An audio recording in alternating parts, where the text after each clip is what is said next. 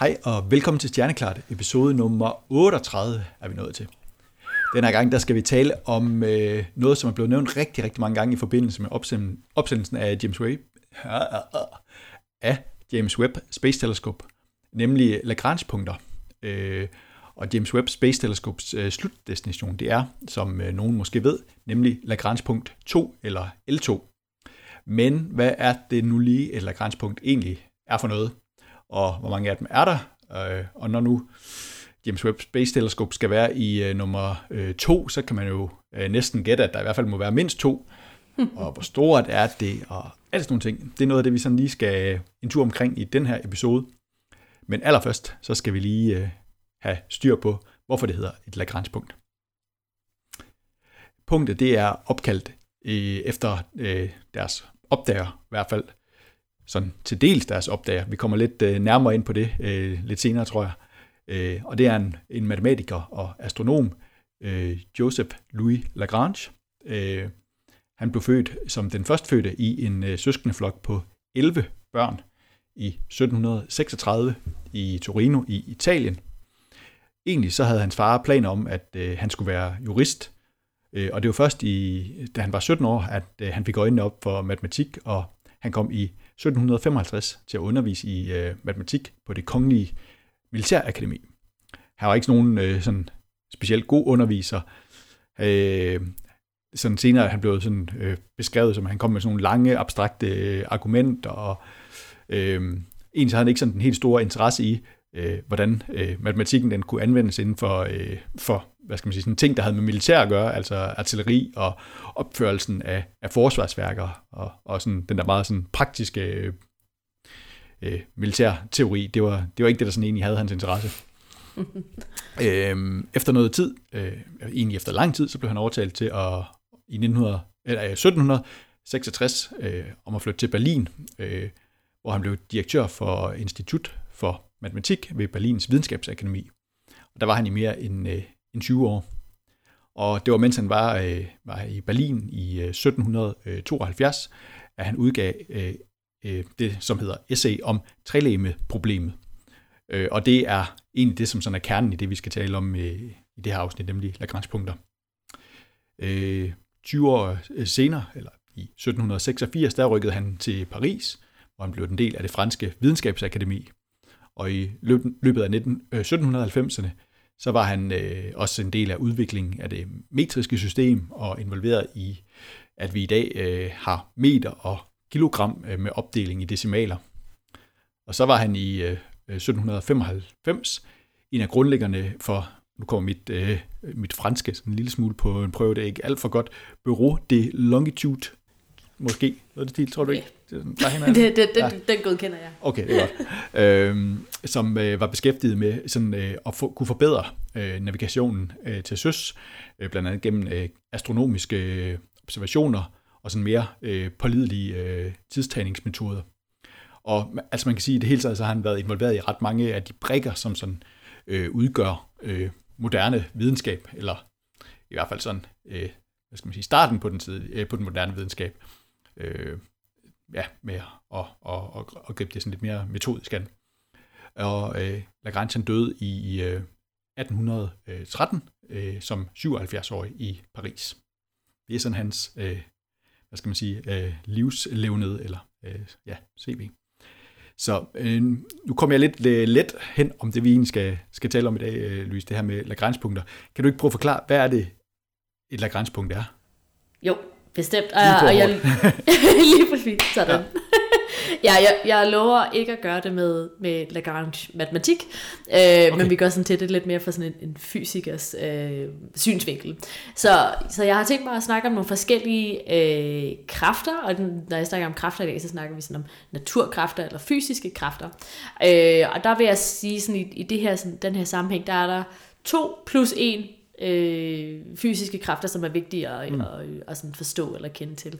Og den første, som sådan som tingene næsten altid er i, i sådan, sådan astronomi, når man har med sådan noget flere sådan, sådan, sådan dimser at gøre, der, der suser rundt i rummet, så handler det om tyngdekraften.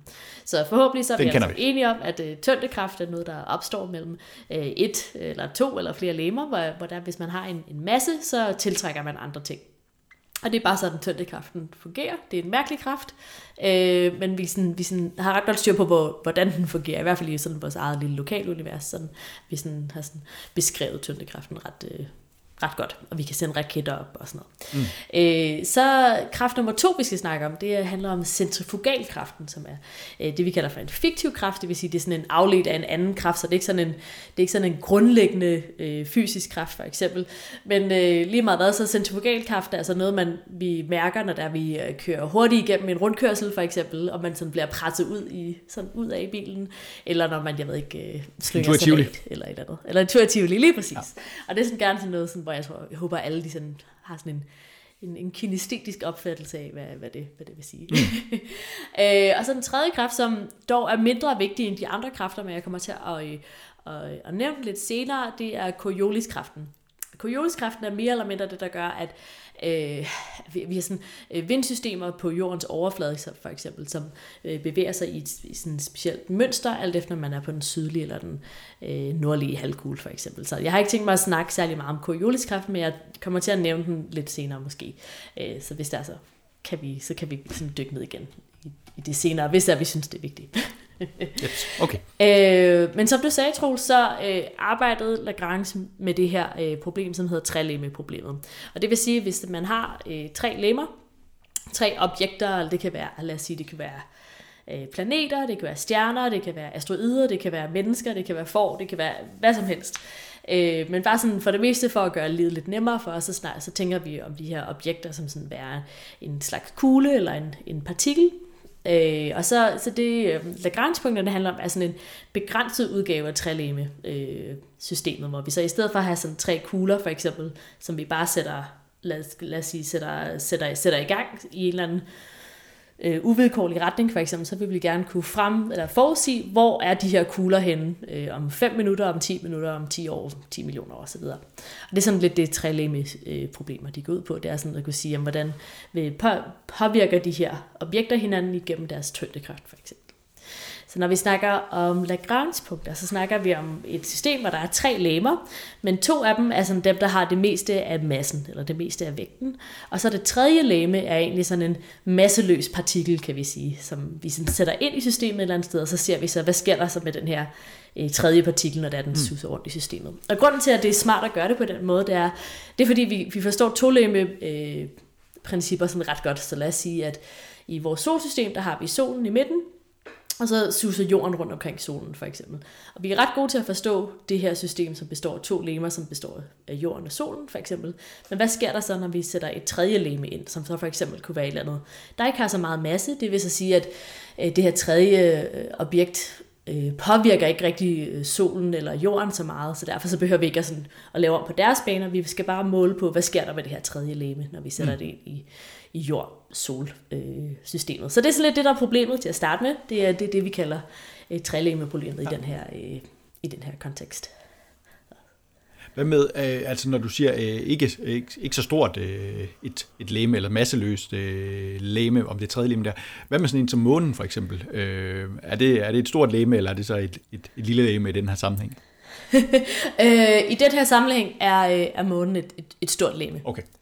Øh, fordi at månen faktisk øh, påvirker jordens øh, bane rundt om, om solen for eksempel. Og det er sådan lidt, øh, faktisk lidt sjovt, jeg tænkte lidt selv på det her i dag, da var jeg forberedt, forberedt mig til episoden. Det er sådan, altså, vi kommer til at snakke om de her lagrangepunkter senere hen, øh, eller sådan, sådan mere specifikt om, hvad det er, men øh, det der er i det, der er, at månen er ikke et lagrangepunkt for eksempel. Månen er et helt andet øh, sådan, kredsløb omkring jorden, så, så, den har, så den kan man ikke tænke på på den måde. Nej, okay. Den øh, tager vi senere. Øh, men som, som jeg sagde, så handler det her altså ikke kun om tyngdekraft. Så når man, skal finde ud, når man gerne vil finde ud af, hvor er der sådan stabile punkter, så at sige, i et system, eller vil, jeg vil gerne kunne øh, forudsige øh, hvad hedder det, bevægelsen af det her testpartikel, og det her tredje leme, jeg sætter ind i mit system. Øh, så det, øh, som vi også skal tage højde for ud over tyngdekraften, altså den her centrifugalkraft, fordi mm. øh, det system, vi er interesseret i, er faktisk roterer, så jorden for eksempel roterer rundt om, om solen. Det er sådan et sted et ret godt, godt eksempel på et Lagrange-system på den her måde. Øh, og så mit, mit øh, sådan, min opgave som Lagrange, eller så, som fysiker eller matematiker, det er så at finde ud af, hvor udligner tyngdekraften eller de forskellige tyngdekræfter for de to øh, primære lemmer i systemet, hvor bliver de udlignet med hinanden og eller med centrifugalkraften for eksempel. Og det er så det, der giver anledning til sådan nogle øh, stabile eller semistabile punkter i, øh, i, i det rum, vi nu kigger i. Så forhåbentlig uden det bliver alt for, alt for abstrakt. Ja. Øh, men jeg har, sådan, jeg har taget nogle eksempler med, sådan, så det forhåbentlig er lidt nemmere at, at tage at føle på. Ja. Så, så et godt eksempel på et trælæme system, det er øh, solen, jorden og så vores testpartikel, som, øh, som ikke rigtig vejer noget. Det kan fx være en satellit, det kan være en lille, en lille asteroide, som ikke er særlig stor i forhold til, til jorden for eksempel. Øh, og så det første stabile øh, punkt, eller det første Lagrange-punkt, som, som er i det her system, øh, kalder vi for L1, eller Lagrange-punkt 1, og det er altså mellem solen og jorden. Og jeg tror, det er det, der sådan er nemmest at tænke over, det er, at et eller andet sted mellem solen og jorden, der er øh, påvirkningen af tyngdekraften fra, fra henholdsvis solen og jorden, øh, lige stor. Så man kan mm. forestille sig, at vi, øh, ved ikke, hvis vi er en eller anden øh, rumraket, vi sender op, og vi skal mod solen for eksempel, på et eller andet tidspunkt, så er vi kommet så langt ud af jordens sådan tyngdefelt, at vi bare kan slukke, slukke for motoren, og så, så kan, kan solen tage over på den anden side, for eksempel, så begynder ja. vi at blive suget ind i jorden. Så jeg håber sådan, at det, det er sådan et af dem, der giver mening. Og det er så Lagrange 1, som er, som sagt, mellem jorden og solen. Ja, det giver meget god mening. Godt. tak. Men nu så begynder det hurtigt at blive mærkeligt bagefter, oh, oh. fordi uh, Lagrange punkt 2, det er simpelthen uh, antipunktet til det, så det vil sige, det er væk fra solen. Så hvis der vi kigger på Lagrange punkt 2 fra jorden af, så skal vi have solen i ryggen. Så kigger vi ud af, ud af vores solsystem på den måde, eller ud af vores... Vi skal... Uh, okay. Så det vil sige, hvis man ligesom liner dem op på linje, så uh, den uh, Lagrange punkt 1, det er solen, Lagrange punkt jorden, ja. og så her siger du solen, jorden, Lagrange-punkt 2. Lige præcis. Godt. Jeg er med. Og grund, og grund til, at det ligger derude, det er simpelthen på den her centrifugalkraft. Så man kan, du kan forestille dig, at ude af Lagrange-punkt 2, der bliver du tiltrukket af både jorden og solen. De hiver begge to i samme retning, fordi de er i samme retning for dig. Mm. Men fordi du også er i et roterende system, hvor du gerne vil kunne følge med jorden rundt, så at sige. Øh, så sådan, hvis, man sådan, hvis vi havde et, partikel ude i Lagrange punkt 2, som var sådan lidt foran jorden for eksempel, så kunne, den, kunne man forestille sig, at den bliver suget lidt sådan bag, baglæns, så hvis den er lidt bag ved jorden, jamen, så vil den blive sådan suget lidt forlæns. Så på den måde det er det sådan et semi-stabilt punkt. Ja, okay. Men er der så, er der så lige så langt fra, øh, fra, altså fra jorden og så ind til Lagrange punkt 1 den ene vej, og så fra jorden og så ud til Lagrange punkt 2? Altså er de sådan kan man sige, symmetriske. Yes, yes, lige ja. præcis. Så, så ja, på den måde, så der er sådan en, ja, en god balance i systemet på den måde. Ja, okay. Øh, og det er der så også med Lagrange punkt 3, som øh, det, sådan, det sådan fortsætter lidt i, i sådan samme øh, øh, filosofi nærmest der. Og det er så, at Lagrange punkt 3 er på den anden side af solen. Så man forestiller sig, hvis du ser øh, systemet med solen og jorden sådan oppefra, så øh, kan man tænke på, på jordens bane rundt omkring solen som en cirkel. Ja. Og så Lagrange-punkt 3 er så på den her cirkel, men i om på den anden side af solen. Sådan okay. der, hvor vi aldrig vil kunne kigge hen med, okay. med vores egen jord. Så her har vi, ja, så her har vi Lagrange-punkt 3, solen og jorden. Yes, lige præcis. Ja, godt, jeg er med nu. øh, og de her så Lagrange-punkt 1, 2 og 3, de ligger alle sammen på på en, øh, sådan en, en, en række, eller på, på linje, de, de er altså sådan aligned, så at sige.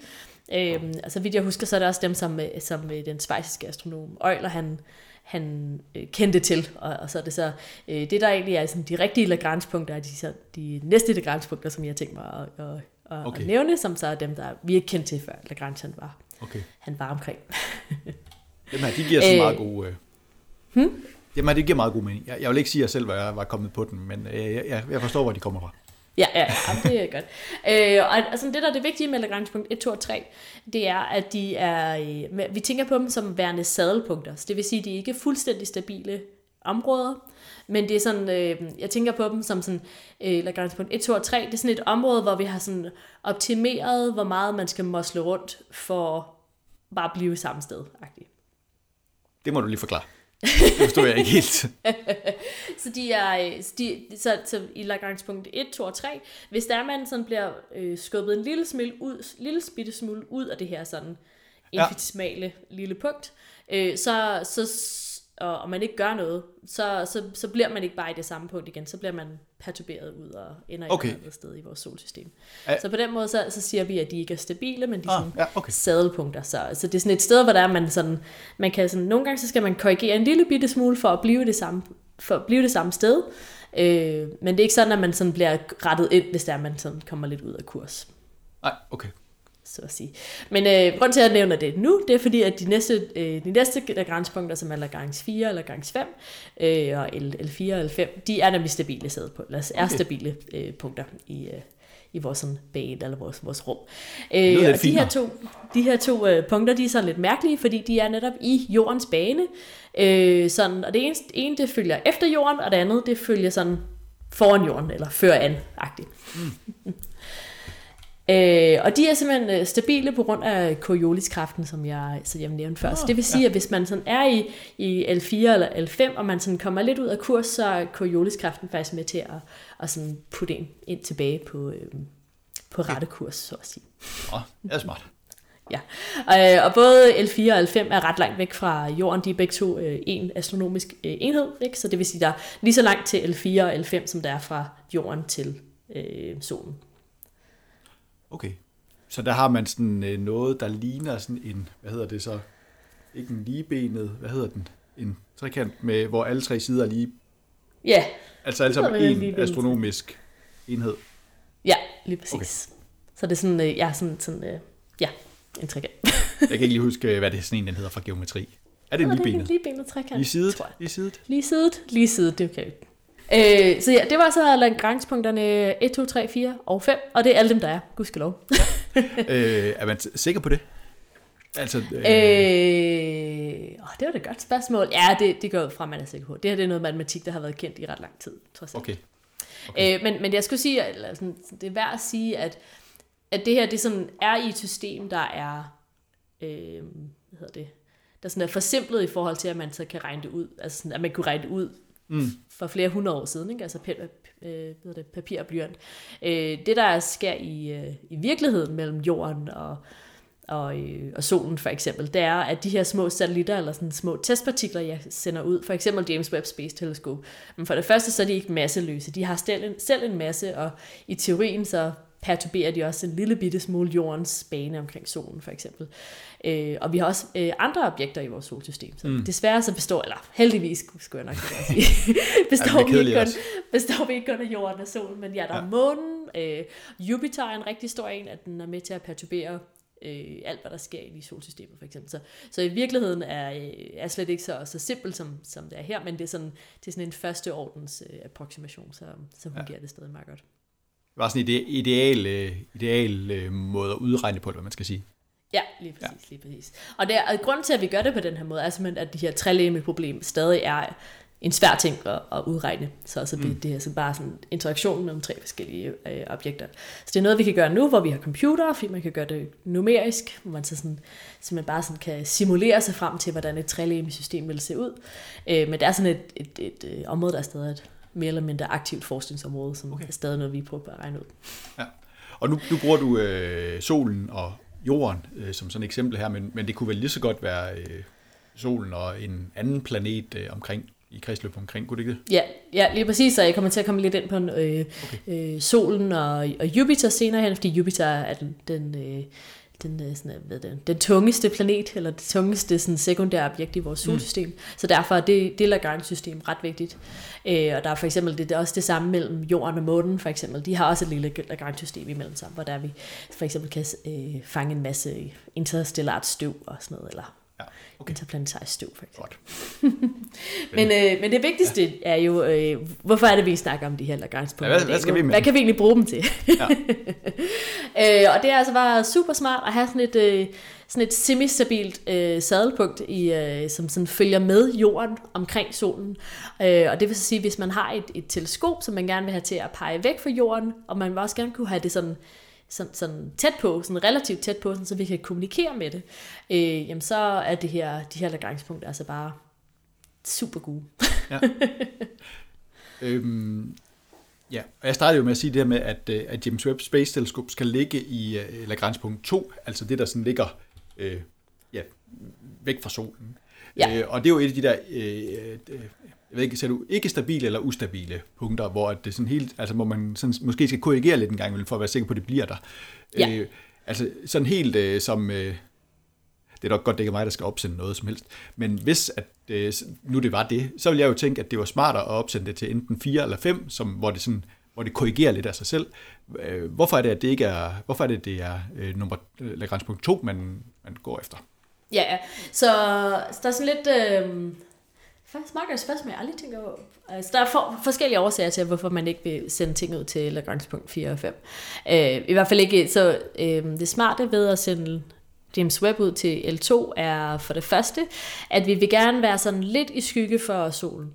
Sådan, fordi at det, vi vil ikke have sol på instrumenterne selv, og fordi at øh, James Webb skal observere sådan termisk stråling eller varmestråling fra, fra, øh, fra sådan fjerne objekter, så derfor så vil vi helst ikke varme selve teleskopet op. Så derfor har mm. James Webb det her sådan meget, meget store solsejl, som vi har snakket om før, der er på størrelse med en tennisbane eller et eller andet. Øh, og ideen er faktisk, at instrumenterne, eller sådan de, de videnskabelige instrumenter, peger hele tiden væk fra solen, og så er der så det her solsejl, og så er der nogle solpaneler, der sidder på den anden side, som så peger mod solen. Men, okay. øh, men det er så designet på den her måde, at det kan komme til at være i sådan et, øh, et halo-orbit, hvor den sådan lidt øh, skal være i sådan en halvskygge omkring øh, mm. månen, i hvert fald noget af tiden.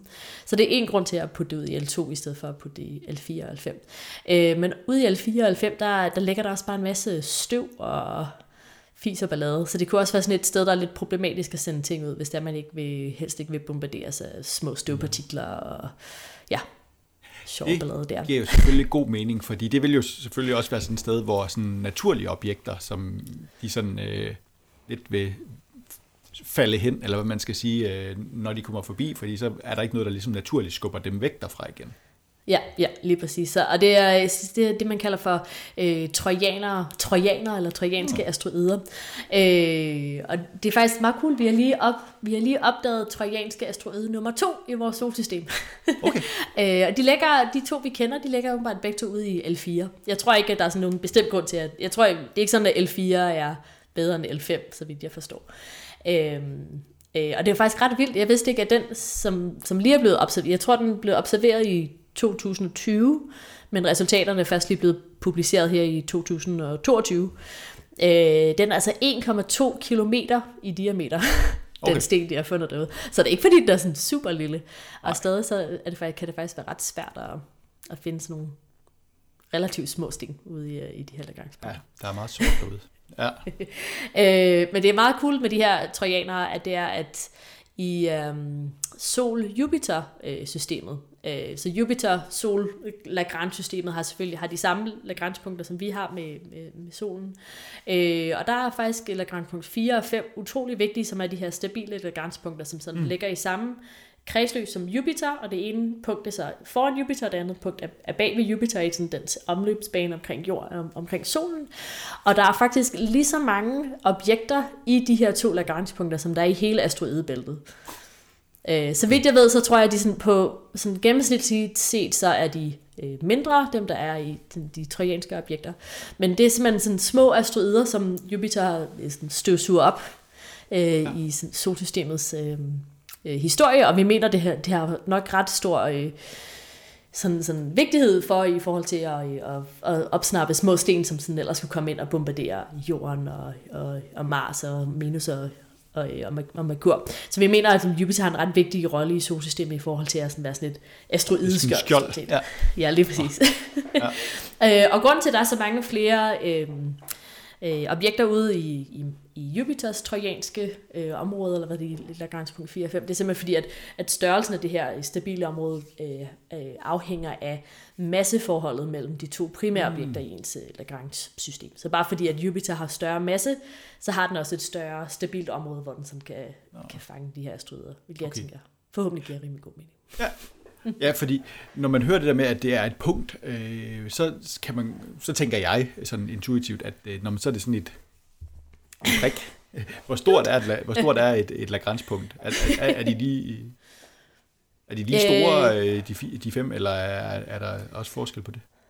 Så jeg tror, Lagrange punkt 4 og 5 kan man sådan tænke på at være stabile punkter, som er sådan toppen af et bjerg. Så, mm. så det vil sige, at toppen af bjerget er et et rigtigt punkt, så at sige, så det vil sige, at den ikke rigtig har nogen udstrækning. Øh, men så man, når man så går ned ad det her bjerg, så kan man finde et eller andet, kan man finde et eller andet bestemt højde, man kan, sådan gå, man kan gå på vandretur i, og så bliver man bare i samme højde, altså, hvor man går, bare går rundt om bjerget. Hvis man tager mm. en konstant hastighed, på den her vandretur rundt om bjerget, ja. øh, så, så bliver man i samme, samme højde. Og, og det, er sådan, det, det, vil, det kan man, det vil man også klassificere som at være et, et stabilt område at være i. Det er, hvis man okay. bare har en konstant hastighed, man ikke accelererer på nogen måde, så, så kommer man tilbage til det samme punkt igen og igen, periodisk. Ja. Øh, og de her kreds, kredsløb, som så eksisterer på den her måde omkring øh, L4 og L5, de kan være kæmpestore. Altså, vi snakker sådan flere millioner kilometer i, øh, i radius. Så de kan være sådan, altså, flere, altså sådan mere end 10 gange, øh, hvad det, kredsløbet af, om, af månen omkring jorden, for eksempel. Så der er nogle okay. ret store objekter. Så det er egentlig mere sådan Lagrange områder? Ja, sådan, sådan vil jeg i hvert fald tænke på øh, Lagrange 4 og 5. Øh, ja. men, men igen, som jeg sagde før, så kommer det meget an på øh, sådan udstrækning af det her område, kommer an på øh, masseforholdet mellem de to primære objekter i systemet. Ja, okay. Øh, hvor jeg vil sige, at sådan, øh, Lagrange punkt 2 er sådan lidt mere tricky at sige, hvor stort det, det punkt er. Så det punkt, vi skal sende James Webb ud i. Og det der er i det er netop, at James Webb skal ikke sidde i bare sådan øh, et punkt, altså bare ikke lave noget som helst, men skal være i det her halo-orbit, som jeg, så jeg nævnte før. Og øh, radiusen på det halo-orbit er faktisk sammenlignelig med radiusen på øh, jordens kredsløb omkring jorden, som er sådan noget 384.000 kilometer. Prøv at sige, øh, jordens kredsløb om Øh, månens kredsløb om jorden. Nå, månens, ja, okay. Ja. Ja, nu vil der også være, at være mange objekter i uh, Ja, nu er det ikke kun tre, uh, tre, uh, tre lemmer længere. Der er virkelig mange. Uh, ja. Men i hvert fald sådan for, for at give lidt en, en idé om, hvor, hvor stort det her halo-omløb er. Så, så, ja, så L2 er, øh, lad mig lige huske en gang, 1,5 millioner kilometer væk fra jorden. Ja. Og så derud skal den være et kredsløb, som har en, en, en, øh, en, en radius, som er omkring en fjerdedel af det. Så der er et ret stort kredsløb, den skal være i. Ja. Så det, øh, og øh, godt. Så, ja, så, og du sagde, at månen det er lige knap 400.000 km, så det er sådan fire gange månens afstand, egentlig vi er væk. Ja, ja, ja. I sådan øh, lange, eller hvad sådan meget afrundet. Ja, ja, ja, ja. i uh, journalistenheder.dk. Ja, præcis. Godt. Jamen, vi er nogenlunde med nu. Det er godt. Ja, altså, som sagt, så, så giver det mening at have, have James Webb ude i det her halo-orbit ude i omkring L2, så den ikke er sådan, man, man vil ikke have den i fuldstændig skygge, for så har vi ikke noget sol på vores solpaneler, mm. men man har sådan muligheden at have den i den her øh, halvskygge fra månen af. Og så det andet smarte er selvfølgelig også, at vi skal kunne kommunikere med satellitten, så vi er ja. nødt til at have sådan en øh, sådan, sådan direkte synslinje, så at sige, sådan så vi kan sende øh, signaler fra vores øh, sådan radioantenner hernede på jorden, og så sende dem op til satellitten og modtage dem der, og så, så igen modtage øh, signalerne, som, som egentlig er det vigtige, at modtage al dataen, som, som øh, James Webb kommer til at sende tilbage til os. Ja, ellers så havde det været en meget, meget dyr ting at spide mm. øh, op der. Øh. en, meget, en meget kedelig mission, hvis der ja, er. ja. Godt. Hvad er der ellers i, øh, er der andre sådan ting, som øh, James Webb øh, sådan skal skal konkurrere med. Ikke komme til at passe på, ikke komme til at skubbe til eller noget i, øh, L2. Ja, altså det er, øh, det er et meget øh, populært sted at sende sine, sine teleskoper afsted. så i øjeblikket, ud over James Webb, så er der to andre missioner, der er ude i L2. Og den ene af dem er øh, Gaia, som er en europæisk mission, som øh, sådan stort set er sådan en øh, stor roterende tørretumbler, tror jeg. øh, men der er sådan et, øh, et teleskop, som øh, måler øh, positionen af stjerner med sådan virkelig, virkelig høj øh, præcision.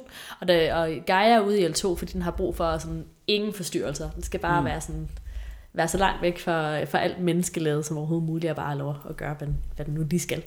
Og så er der sådan en anden øh, mission, som er tysk, en tysk-russisk mission, der hedder øh, Spectre AG, som jeg faktisk aldrig har hørt om før, øh, at vi snakker, vi forbereder os til den her episode. Som, jeg tror, den skal lave et eller andet, lave et eller andet høj øh, energiastronomi, hvor det igen okay. giver mening at være langt væk fra, fra jorden.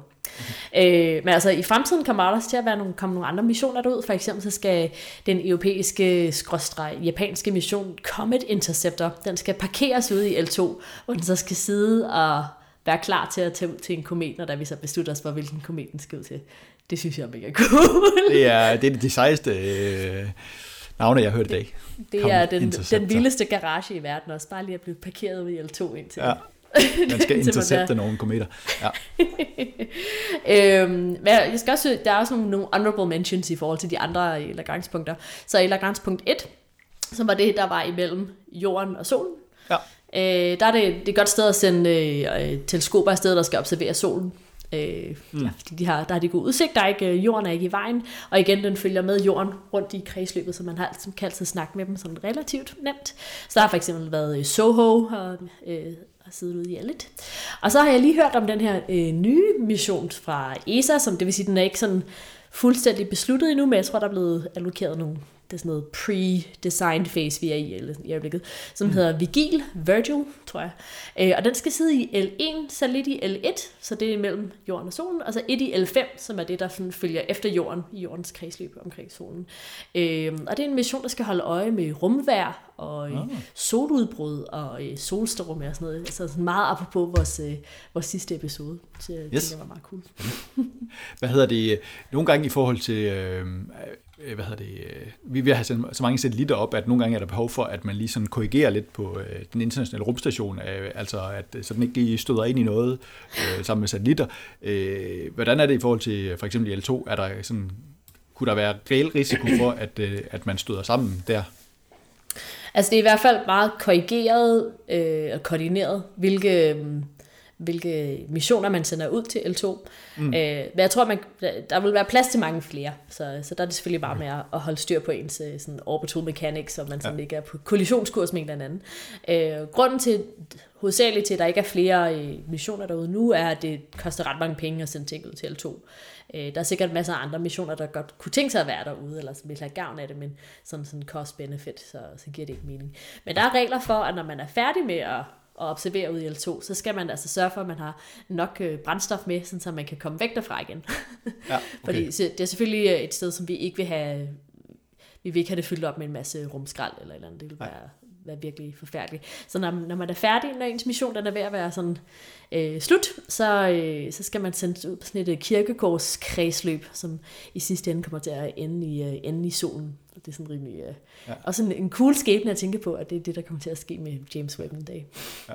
Men det har vel så også den fordel, at det netop ikke er sådan fuldstændig stabilt. Øh, at det er, sådan, det er vel relativt nemt at skubbe noget ud øh, af, af det, øh, hvor at, øh, det vil være mere problematisk med 4 og 5 for eksempel. Ja, ja, ja, lige præcis. Så jeg tror, øh, jeg ved ikke rigtig, hvad, hvordan politikken er omkring de her kirkegårds orbits, men jeg tror, det, det er sådan, man skal kunne garantere, at at man ikke vil kunne ende i et eller andet sådan, altså tilbage på jorden, eller et eller andet problematisk mm. sted. Altså, der er meget lille sandsynlighed for, sådan noget det sker, men man skal kunne sådan have, det er sådan en, øh, hvad hedder sådan en, øh, hvad hedder, en kontrolleret deorbit, tror jeg, det ja. hedder. det er en pæn måde at sige det på. Lige præcis. Øh, så ja, så det er sådan lidt... Øh, nærmest sådan et, sådan et sort sted at, at, at slutte den her episode på med, det er sådan, hvordan James Webb kommer til at dø en dag. ja, øh, så, så jeg tænker, at vi lige sådan skal bringe det tilbage til, hvorfor det egentlig var, vi snakkede om Lagrange-punkter i dag. Og det er jo ja. fordi, at James Webb endelig er blevet succesfuldt sendt, sendt op og udfoldet og er ankommet i, uh, i Lagrange-punkt 2, uh, hvilket er helt fantastisk. Se de uh, første billeder. Sådan, ja, lige præcis. Så, og sådan, så småt. så jeg tror, så vidt jeg, altså, så jeg var inde og tjekke i dag netop, hvad status er på, på James Webb. Og jeg vil øh, opfordre alle vores lyttere til at google, øh, where is web? Hvor er web? Øh, og så har NASA, de har sådan en helt fantastiske hjemmeside, hvor man kan gå ind og se præcis, hvad der er for nogle øh, kalibreringer, de er i gang med at lave i øjeblikket, og sådan, hvor langt de er i processen med at... Øh, så i øjeblikket er de i gang med at, øh, at, at aligne, hvad hedder det? Øh, Justere? Det ved jeg ikke, hvad hedder på dansk. Justere ja. alle, alle, alle spejlene, sådan så de er sådan fuldstændig i det samme plan. Øh, sådan så vi har øh, super billedkvalitet. Øh, og det tror jeg faktisk er en af de sidste øh, sådan store kalibreringssteps, inden da de går i gang med at, at tage sådan rigtige videnskabsbilleder. Øh, så det, det skal man bare ind og holde øje med, så, så kan vi glæde os rigtig meget til at få nogle, nogle af de første resultater. Ja, hvornår tror du, det bliver? Øh, jeg tror tre måneder før vi har sådan rigtig... Okay, så i løbet af sommeren en, en gang? Ja, ja. Okay. Og jeg tror, vi får nok de første billeder lidt før det, men altså, vi skal selvfølgelig huske at sige, at, sådan, at James Webb er ikke helt ligesom Hubble, hvor der vi har alle de her helt fantastiske billeder, men fordi det øh, opererer i, øh, i det nære infrarøde og midt infrarøde, så sådan, regner jeg med ikke, at billederne bliver ikke sådan helt lige så spektakulære. Der, vi laver alt meget mere mere sådan til spektre og sådan ting, der måske ikke ja. ser helt lige så spændende ud, men fra et videnskabsmæssigt øh, synspunkt er det måske meget mere spændende, who knows. øh, men jeg tror, inden for de næste tre måneder, så er de færdige med at, at, at kalibrere positionen af deres, øh, deres spejle, og alle deres øh, instrumenter er kølet helt ned, og det er så der, vi begynder at få de første sådan, videnskabsbilleder og data mm. ned. Og jeg, jeg kunne godt forestille mig, at vi får nogle af de første resultater rigtig hurtigt, jeg ved. Så jeg tror, inden i slutningen af i år, så, be, så begynder der at være publicerede resultater fra, fra James Webb. Spændende. Det er tættere på end nogensinde. ja. Det lyder godt. Det glæder vi os til. Det er jo godt, at, øh, at der var sådan et lagrangepunkt der, man lige kunne, kunne bruge. Ja, lige præcis. Vi er nødt til at, øh, at udnytte, hvad, hvad naturen har givet os i den her sammenhæng. Præcis. Det er godt. Yep. Jamen tak for den her gang, og vi øh, glæder os til at høre meget mere om James Webb i, i fremtiden. Og jeg, jeg, kan, jeg kommer til at slet ikke at kunne stoppe med at snakke om det, når det først begynder at regne med resultater. man kan godt se, at du har julelys i øjnene.